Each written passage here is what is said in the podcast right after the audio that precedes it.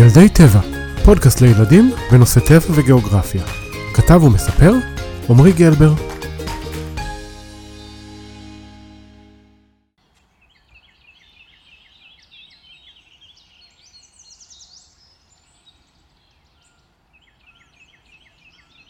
היי hey ילדים, מה שלומכם? בפרק הזה אני רוצה שנעשה משהו מעט שונה. נספר סיפור. נספר את סיפור הנדידה של ציפור, של נחניאלי. אתם יודעים, חלק מהציפורים ממשיכות לגור איפה שהם נולדו, כמו ציפור הדרור, וחלק מהציפורים נודדות ובאות אלינו לישראל רק לתקופה, בעיקר לחורף. בשביל הסיפור, אני חושב שיהיה נחמד לתת לציפור שם. מה דעתכם על נחלי? נחלי הנחניאלי. לפני שנתחיל, אני אשאל אתכם שאלה. אם נגמר לנו האוכל בבית, מה אנחנו עושים? קונים בסופר, נכון מאוד. כשנגמר לחיות האוכל, הם צריכים למצוא מקום אחר עם אוכל. לנדוד. שנתחיל את הסיפור? נחלי הנחניאלי בקע מהביצה רק לפני חודש וחצי. את הקיץ הוא בילה במדינת הקיץ שלו, שוודיה, שבצפון אירופה. נחלי שם לב שהימים נעשים קצרים יותר, הלילות יותר קרירים, והעלים מתחילים לנשור מהעצים. נחלי גם שם לב שיותר קשה למצוא את המזון האהוב עליו, חרקים. הוא יודע שהחורף מתקרב, ובקרוב לא יהיה מה לאכול. הוא כבר מתחיל לחשוב על המסע הראשון של חייו. נחלי נפרד מההורים שלו, ומנסה לאגור כמה שיותר מזון. ככה תהיה לו מספיק אנרגיה לפני המסע הארוך. נחלי מצחצח את צינורו השחור ומבריק את זנבו הארוך. לנחלי צפוי מסע מאתגר ומרגש. נחלי יוצא לדרך. הוא עף לילה שלם. הוא רואה את היערות והאגמים לאור הירח, וגם את הכפרים והעיירות בהם גרים בני האדם. בלילה אחד הוא עף מרחק של בערך 500 קילומטרים. מרחק השווה לנסיעה ממרכז ישראל עד לאילת. נחלי מגיע לעצירה הראשונה שלו. הוא נח ואוכל כמה ימים עד שיהיה לו כוח להמשיך. נחלי ציפור חזקה, והוא ממשיך ככה עוד כמה ימים. לפתע באופק רואה נחלי רכס הרים הריב וגבוה, עם פסגות לבנות מכוסות שלג.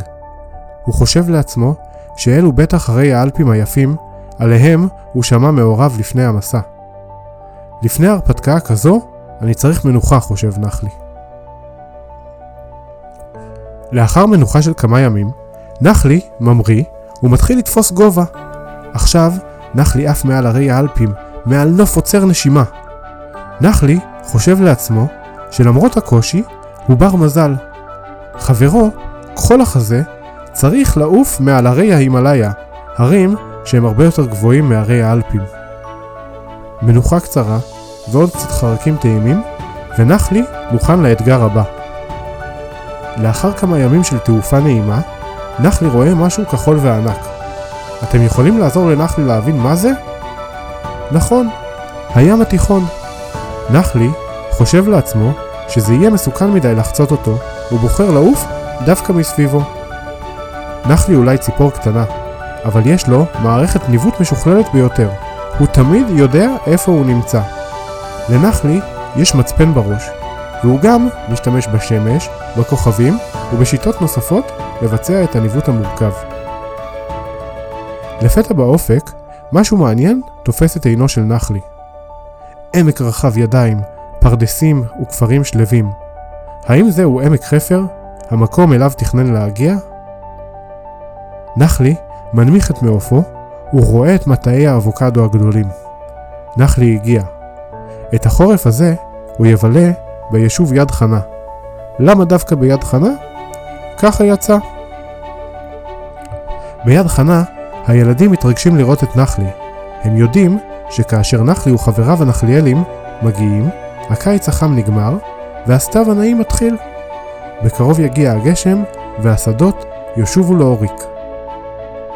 בישראל, נחלי פוגש חברים שעבורם ישראל היא רק תחנת מעבר בדרך לאפריקה הרחוקה.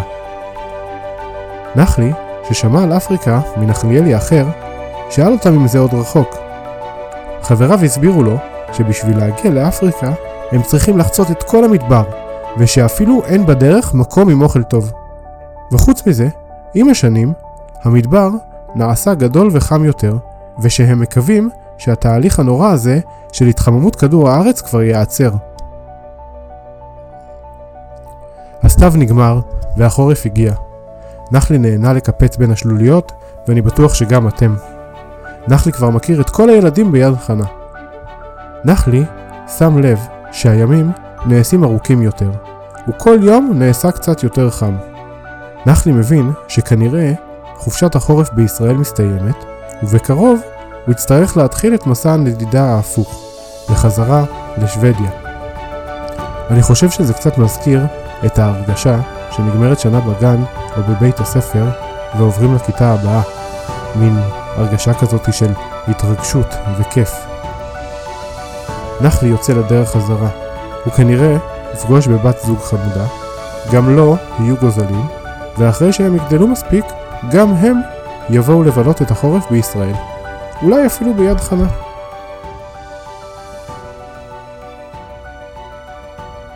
איזה כיף ששמעתם את סיפור הנדידה של נחלי. ולא רק נחליאלים נודדים, עוד הרבה ציפורים, יונקים, דגים וגם בני אדם. יש אנשים שיש להם מזל, הם צפרים, וכל היום הם עוקבים אחר הציפורים, ובעיקר מוודאים שבני האדם יפריעו להם פחות. בשביל לעקוב אחרי ציפורים וללמוד לאן הן עפות ומה הן עושות, נוהגים לחבר אליהם לרגל טבעת קטנה שלא מפריעה להם, וככה יודעים לזהות את אותם ציפורים בתחנות העצירה השונות שלהם. קוראים לזה טיבוע. ודרך אגב, ישראל היא מקום מצוין לצפות בציפורים נודדות. מעל ישראל עוברות כחצי מיליארד ציפורים נודדות בשנה. זה המון. הנדידה מתרחשת בעיקר בסתיו, אז הציפורים עוזבות את החורף הקר של הצפון, ונדדות למקום חם יותר בדרום, וגם באביב, שהן חוזרות חזרה.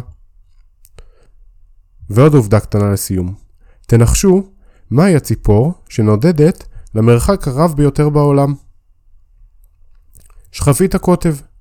ולא רק שהיא הציפור שנודדת הכי הרבה, היא גם בעל החיים בעל טווח הנדידה הארוך ביותר בעולם. שכפית הקוטב עפה 19,000 קילומטרים בכל שנה, מהקוטב הצפוני לקוטב הדרומי ובחזרה.